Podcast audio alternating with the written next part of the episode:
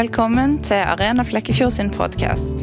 Vi håper at Arena kan hjelpe deg å finne gode svar på livets store spørsmål.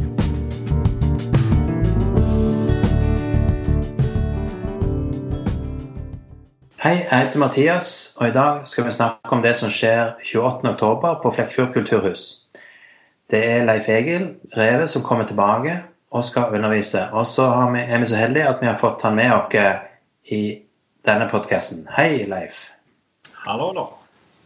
Temaet for 28. oktober er Big Bang og universet. Kan du si litt mer om det temaet? Ja, altså um Big Bang er jo en sånn type ting som uh, vi ofte snakker om når, uh, både som eh, kristne og i vitenskapsmiljøer, vil jeg si. Så det jeg kommer til å se litt nærmere på, det er jo mer hvilke implikasjoner har Big Bang-teorien og når vi ser på universet, hvor, hvor peker egentlig det? Eh, så det blir kanskje de faktorene jeg tar mest eh, og titter litt på, da. Ja. Vi, eh, agendaen for kvelden er litt sånn at du får, får, rundt 40 minutter til å undervise, og så skal vi prøve så godt vi kan å få eh, til dialog. De siste kveldene så har det vært eh, deltakelse fra HEF, Human-Etisk Forbund, som har bidratt til veldig bra dialog mellom forskjellige perspektiver. Så det gleder vi oss til.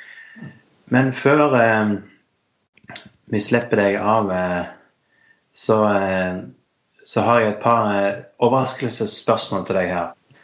Ja. Sånn som sist gang.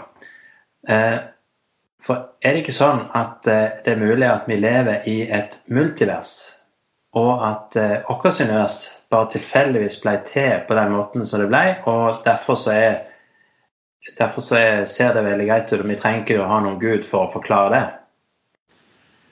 Eh, når jeg møter innvendinger fra, fra multivers, så, så, pleier jeg å begynne litt sånn her. At ja, OK, la oss si eh, vi har god grunn til å tenke at det fins et multivers.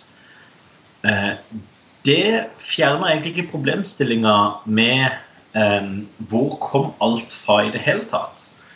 For du får akkurat samme problem hvis det er Eh, en universmekanisme som, som, bare produserer masse universer. Så er spørsmålet hvor kom den fra? Så, så det løser egentlig ingenting å, å, introdusere multivers. Så vil jeg også si at vi har ikke noen vitenskap som egentlig peker mot multivers i utgangspunktet. Mm. Men hvis jeg går med på det, hvorfor kan vi ikke bare si at vi får akkurat det samme problemet når det gjelder Gud? For hvem var det som skapte Gud? Mm. Så um, når jeg sjøl undersøkte dette her Dette her er en av de største grunnene til at jeg begynte å, bli, uh, begynte å tro det fantes en eller annen gud til å begynne med. Uh, og um, det første jeg skjønte da, det var at når vi snakker om denne her Denne som har gjort at universet eksisterer, så skjønner jeg at for at den skal kunne være en forklaring i det hele tatt, så må det være noe uten en begynnelse. Eh, så spørsmålet er da ok, men, men kan vi ikke bare si at universet ikke har en begynnelse? Kanskje vi kunne det, men det har dårligere forklaringskraft. Pluss at vi også har god grunn til å tro at universet begynte.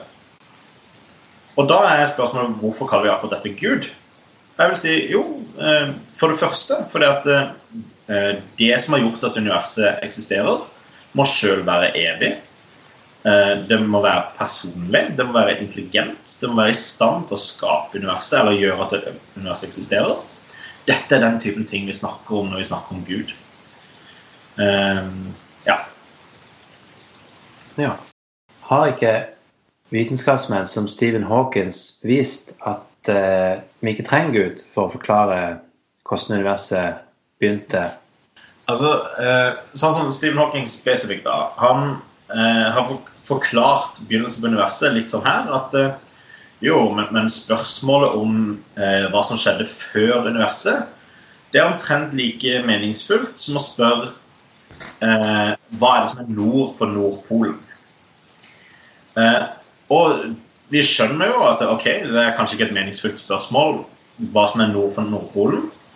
Men jeg tror ikke at det er nok bare å, å gi den, eh, det bildet, så har du forklart noen ting. Altså, du har egentlig ikke forklart noen ting. Du har bare sagt eh, her har vi ikke noe svar i det hele tatt.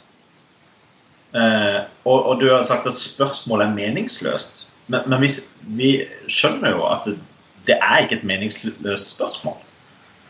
Så i utgangspunktet så, så, vil jeg si det at det Stephen Hawking gjør, det er bare å vise eh, at når han sier at filosofi er dødt, så, så det han egentlig viser at han har kanskje ikke verdens beste innsikt i nettopp filosofiområdet. Tusen takk for at du stilte opp til intervju og tok eh, spørsmålene på sparket. Jo, takk. På eh, hva som eh, skal skje 28.10. Og eh, vi håper oss Håper at du som hører på dette, eh, kommer på Spira til en god dialog. For at du hørte på dagens episode. Hvis du vil vite mer om Arena, kan du finne oss på Facebook. Der heter vi Arena Flekkefjord. Eller gå inn på hjemmesida vår arena-flekkefjord.no. Vi vil gjerne høre fra deg, og vi håper at vi ses på Spira.